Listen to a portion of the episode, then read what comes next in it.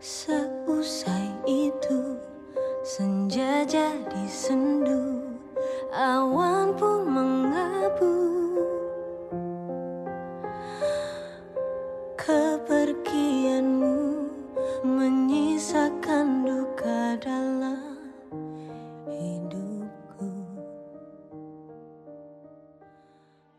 Hai hai hai hai. Selamat sore. Assalamualaikum warahmatullahi wabarakatuh. Aku di sini akan membawakan sedikit podcast atau cerita yang mengangkat tema Hari Patah Hati Nasional pertama kali yang pernah terjadi di Indonesia.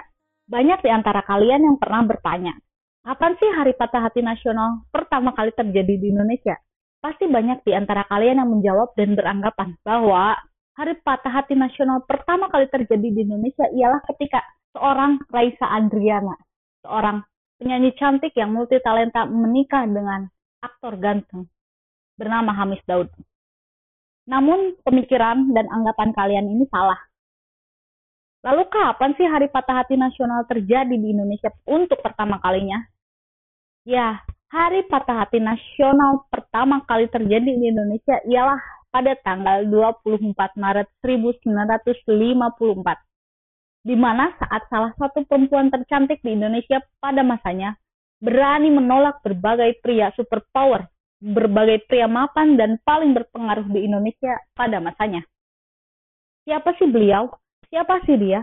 Berani sekali dia menolak pria-pria superpower di Indonesia pada masanya. Dia adalah Gusti Nurul. Ya, dia adalah Gusti Raden Ayu Siti Nurul Kamaril Ngarasati Kusuma Wardani. Ia lahir pada 17 September 1921. Merupakan seorang putri tunggal dari Kanjeng Gusti Pangeran Adipati Aryo Mangkunegoro ke-7 dari permaisurinya yang bernama Gusti Kanjeng Ratu Timur. Ayah Gusti Nurul ini adalah seorang ningrat dari Solo yang beristrikan putri dari Kesultanan Ngayogyakarta Hadiningrat. Sedangkan ibunya adalah putri ke-12 dari Sultan Hamengkubuwono ke-7 dari permaisurinya yang ketiga. Gusti Nurul memiliki julukan kembang Mangkunegaran. Pada zaman dahulu ini, Mangkunegaran dan Kesultanan Yogyakarta itu tidak pernah boleh menikah, tidak boleh pernah mengadakan pernikahan di antara mereka. Hal ini disebabkan akibat adanya politik perpecahan Belanda.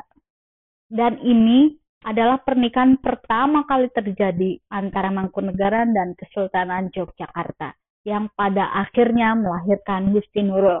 Gusti Nurul adalah simbol wanita berpendidikan tinggi yang sangat menentang akan poligami. Beliau ini banyak sekali dilamar oleh pemuda-pemuda Indonesia yang sangat elit dan mapan juga superpower pada masanya. Tapi beliau ini berani menolaknya karena beliau tidak ingin dimadu. Beliau tidak ingin dipoligami. Siapa saja sih orang-orang yang pernah beliau tolak? Banyak di antara kalian yang pasti bertanya-tanya, siapa saja pria-pria yang pernah beliau tolak. Yang pertama ada presiden pertama kita yaitu Insinyur Soekarno. Orang yang kedua beliau tolak ialah Sultan Syahrir, Perdana Menteri Republik Indonesia. Orang ketiga ialah Sultan Hamengkubuwono ke-9. Dan orang yang keempat yang ia tolak adalah Jenderal TNI GPN Jati Kusumo yang merupakan kepala staf Angkatan Darat pertama di Indonesia. Jadi, bisa kalian bayangkan sendiri ya, betapa banyaknya laki-laki superpower dan mapan yang ingin mendekati dan meminang Gusti Nurul ini. Tetapi ia berani menolak dengan prinsipnya yang sangat kuat bahwa wanita berpendidikan tinggi itu pantang untuk dipoligami. Dan Gusti Nurul ini bukan merupakan orang sembarangan, Selain merupakan putri dari Mangkunegaran ketujuh, beliau juga dikenal oleh kerajaan Belanda karena ia pernah membawakan budaya Indonesia di saat ulang tahunnya Putri Juliana pada tahun 1937. Dan wajahnya ketika menari di kerajaan Belanda berhasil diabadikan dan masuk ke dalam majalah Life USA tingkat dunia. Wow, kalian patut berbangga akan hal ini. Jadi, kapan sih Hari Patah Hati Nasional terjadi? Hari Patah Hati Nasional terjadi ketika Gusti Nurul berani menolak empat pria superpower dan berpengaruh di Indonesia pada masanya. Kemudian ia memilih seorang lelaki biasa yang bernama Raden Mas Suyarso Suryo Surarso yang bukan merupakan kepala pemerintahan, bukan juga orang superpower di Indonesia. Pada tanggal 24 Maret 1954, akhirnya Gusti Nurul menjatuhkan pilihannya kepada Raden Mas Suyarso Suryo Surarso. Seorang laki-laki biasa, namun ia lulusan Akademi Militer Belanda. Bukan seorang presiden, bukan seorang perdana menteri, dan juga bukan orang berpengaruh di Indonesia. Ia menjatuhkan pilihannya karena Raden Mas Suyarso pernah berjanji dan selalu berjanji untuk tidak memadu Gusti Nurul. Mereka menikah pada tanggal 24 Maret 1954. Ketika mereka menikah, ternyata Soekarno dan Sultan Syahrir ini masih penasaran dengan Gusti Nurul. Bagaimana bisa seorang Soekarno dan Sultan Syahrir masih penasaran dengan Gusti Nurul? Meskipun Gusti Nurul ini sudah menikah, setelah Gusti Nurul menikah, suatu hari Soekarno ini pernah mengundang Gusti Nurul dan ibunya ke Istana Cipanas. Soekarno pernah meminta kepada seorang pelukis lelaki yang bernama Basuki Abdullah untuk melukis wajah Gusti Nurul dan ia berkata kepada Gusti Nurul kira-kira begini, Wah, aku kalah cepat dengan suamimu. Lalu bagaimana dengan penasarannya Sultan Syahrir akan Gusti Nurul ketika Gusti Nurul sudah menikah? Jadi, ketika Gusti Nurul belum menikah dengan Raden Mas Suyarso, ternyata Sultan Syahrir ini setiap kali ke Jogja, ia selalu mengutus asisten pribadinya. Ya, ia mengutus asisten pribadinya ini untuk mengantarkan hadiah-hadiah yang pernah ia beli dan selalu ia beli dari Jakarta untuk Gusti Nurul. Dan hadiah ini selalu diantarkan bersama dengan sepucuk surat dari Sultan Syahrir. Meskipun Gusti Nurul telah menikah dengan Raden Mas Sultan Syahrir ini masih penasaran dengan Gusti Nurul. Sultan Syahrir pernah datang dan bertandang ke rumah Gusti Nurul, dan ia itu selalu berfoto bersama Gusti Nurul dan suaminya. Tahukah kalian? Sultan Syahrir ini selalu mengambil posisi dekat Gusti Nurul. Ya, Sultan Syahrir mengambil posisi dekat dengan Gusti Nurul saat berfoto, sementara suami Gusti Nurul sendiri posisinya agak jauh dari Gusti Nurul. Lalu ketika Soekarno mengundang Gusti Nurul beserta ibunya ke istana di Cipanas, di sana Soekarno telah meminta kepada Basuki Abdullah untuk melukis wajah Gusti Nurul. Gusti Nurul ini ketika dilukis wajahnya memakai kebaya. Dan hasil lukisannya ternyata Gusti Nurul dilukis memakai busana penari Serimpi Putri Cina. Busana ini digunakan dalam tari Serimpi Moncar yang bercerita tentang perselisihan Putri Jawa Kelasoro dengan Putri Tionghoa Adaninggar karena memperebutkan seorang lelaki idaman, yaitu Wong Agung Menak. Tarian ini diciptakan tidak lain dan tidak bukan oleh Mangkunegaran ketujuh yang merupakan ayah dari Gusti Nurul. Lalu tahukah kalian di mana Soekarno memajang lukisan ini? Beliau memajangnya di kamar kerja Presiden Istana Cipana. Suatu hari, Cindy Adams yang merupakan wartawan Amerika pernah dan berhasil mewawancarai Bung Karno untuk membuat biografi dari sang proklamator. Dan tahukah kalian apa pertanyaan yang dilontarkan oleh Cindy Adams? Ada salah satu pertanyaan dari Cindy Adams kepada Bung Karno. Cindy Adams bertanya tentang siapa cinta platonik dari Bung Karno. Dan beliau menjawab kira-kira jika di bahasa Indonesia kan akan seperti ini. Tahukah Anda bahwa salah satu kisah cinta terbesar yang tidak akan pernah tercetak dalam sejarah menyangkut kasih sayang saya yang sangat dalam kepada seorang putri istana Jawa. Meskipun itu merobek jiwa saya, saya tidak akan pernah bisa menikahinya.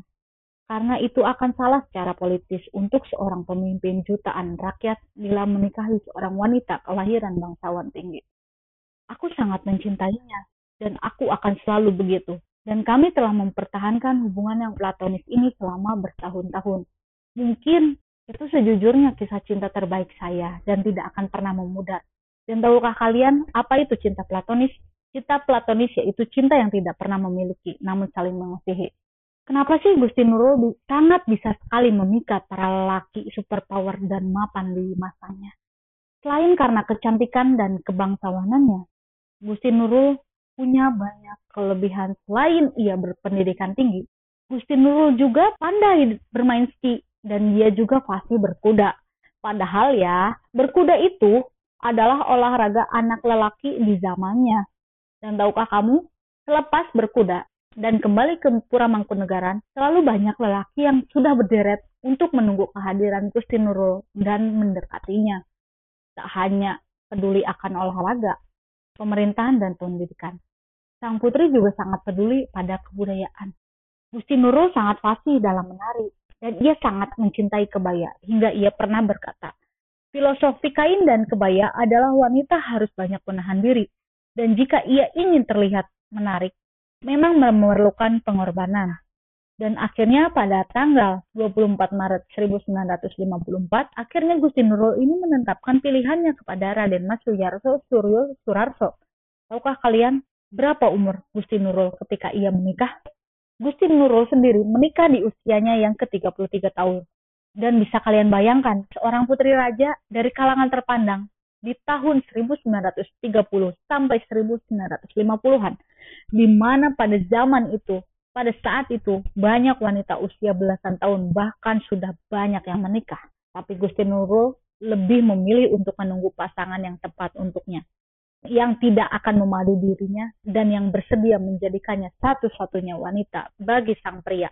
Meskipun Raden Mas Suyarso Suryo Surarso bukan seorang presiden maupun perdana menteri, tetapi mereka membuktikan bahwa mereka bisa hidup bahagia dan mereka dikaruniai tujuh orang anak.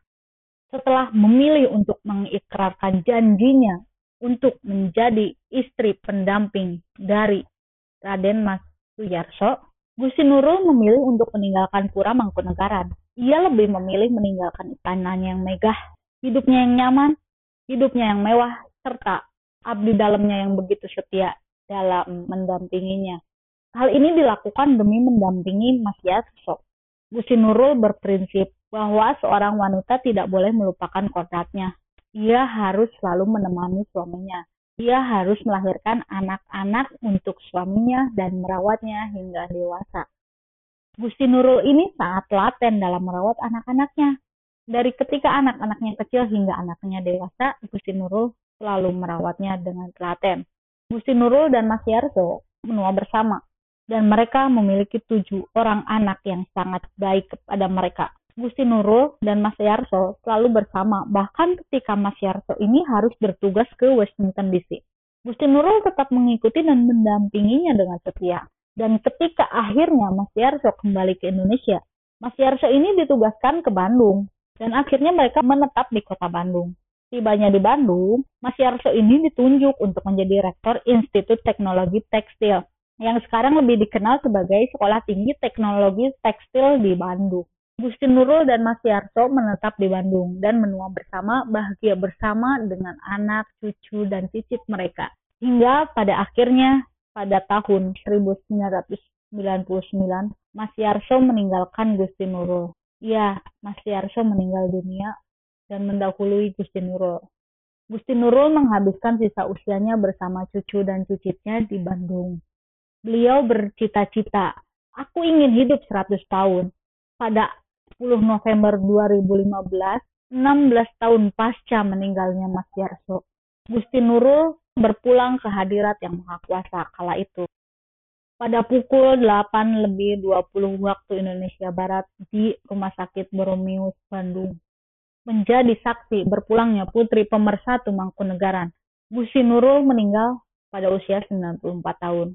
Persis seperti harapan beliau, ingin hidup 100 tahun. Di usia itu, beliau telah banyak berbuat demi Mangkunegaran dan demi Indonesia. Beliau dijuluki sebagai putri pemersatu Mangkunegaran. Paras cantiknya, wibawanya yang begitu besar. Jiwanya tak akan pernah kita lupakan. Selamat tinggal Ibu Gusti Nurul. Semoga senantiasa damai di sana dan semoga Allah selalu mengampuni dosa-dosamu. Amin. Amin ya robbal alamin. Menyisakan duka dalam hidup. So guys, mungkin segitu cerita yang akan aku bagikan. Mohon maaf bila ada salah-salah kata. Wabillahi taufik walidayah. Wassalamualaikum warahmatullahi wabarakatuh.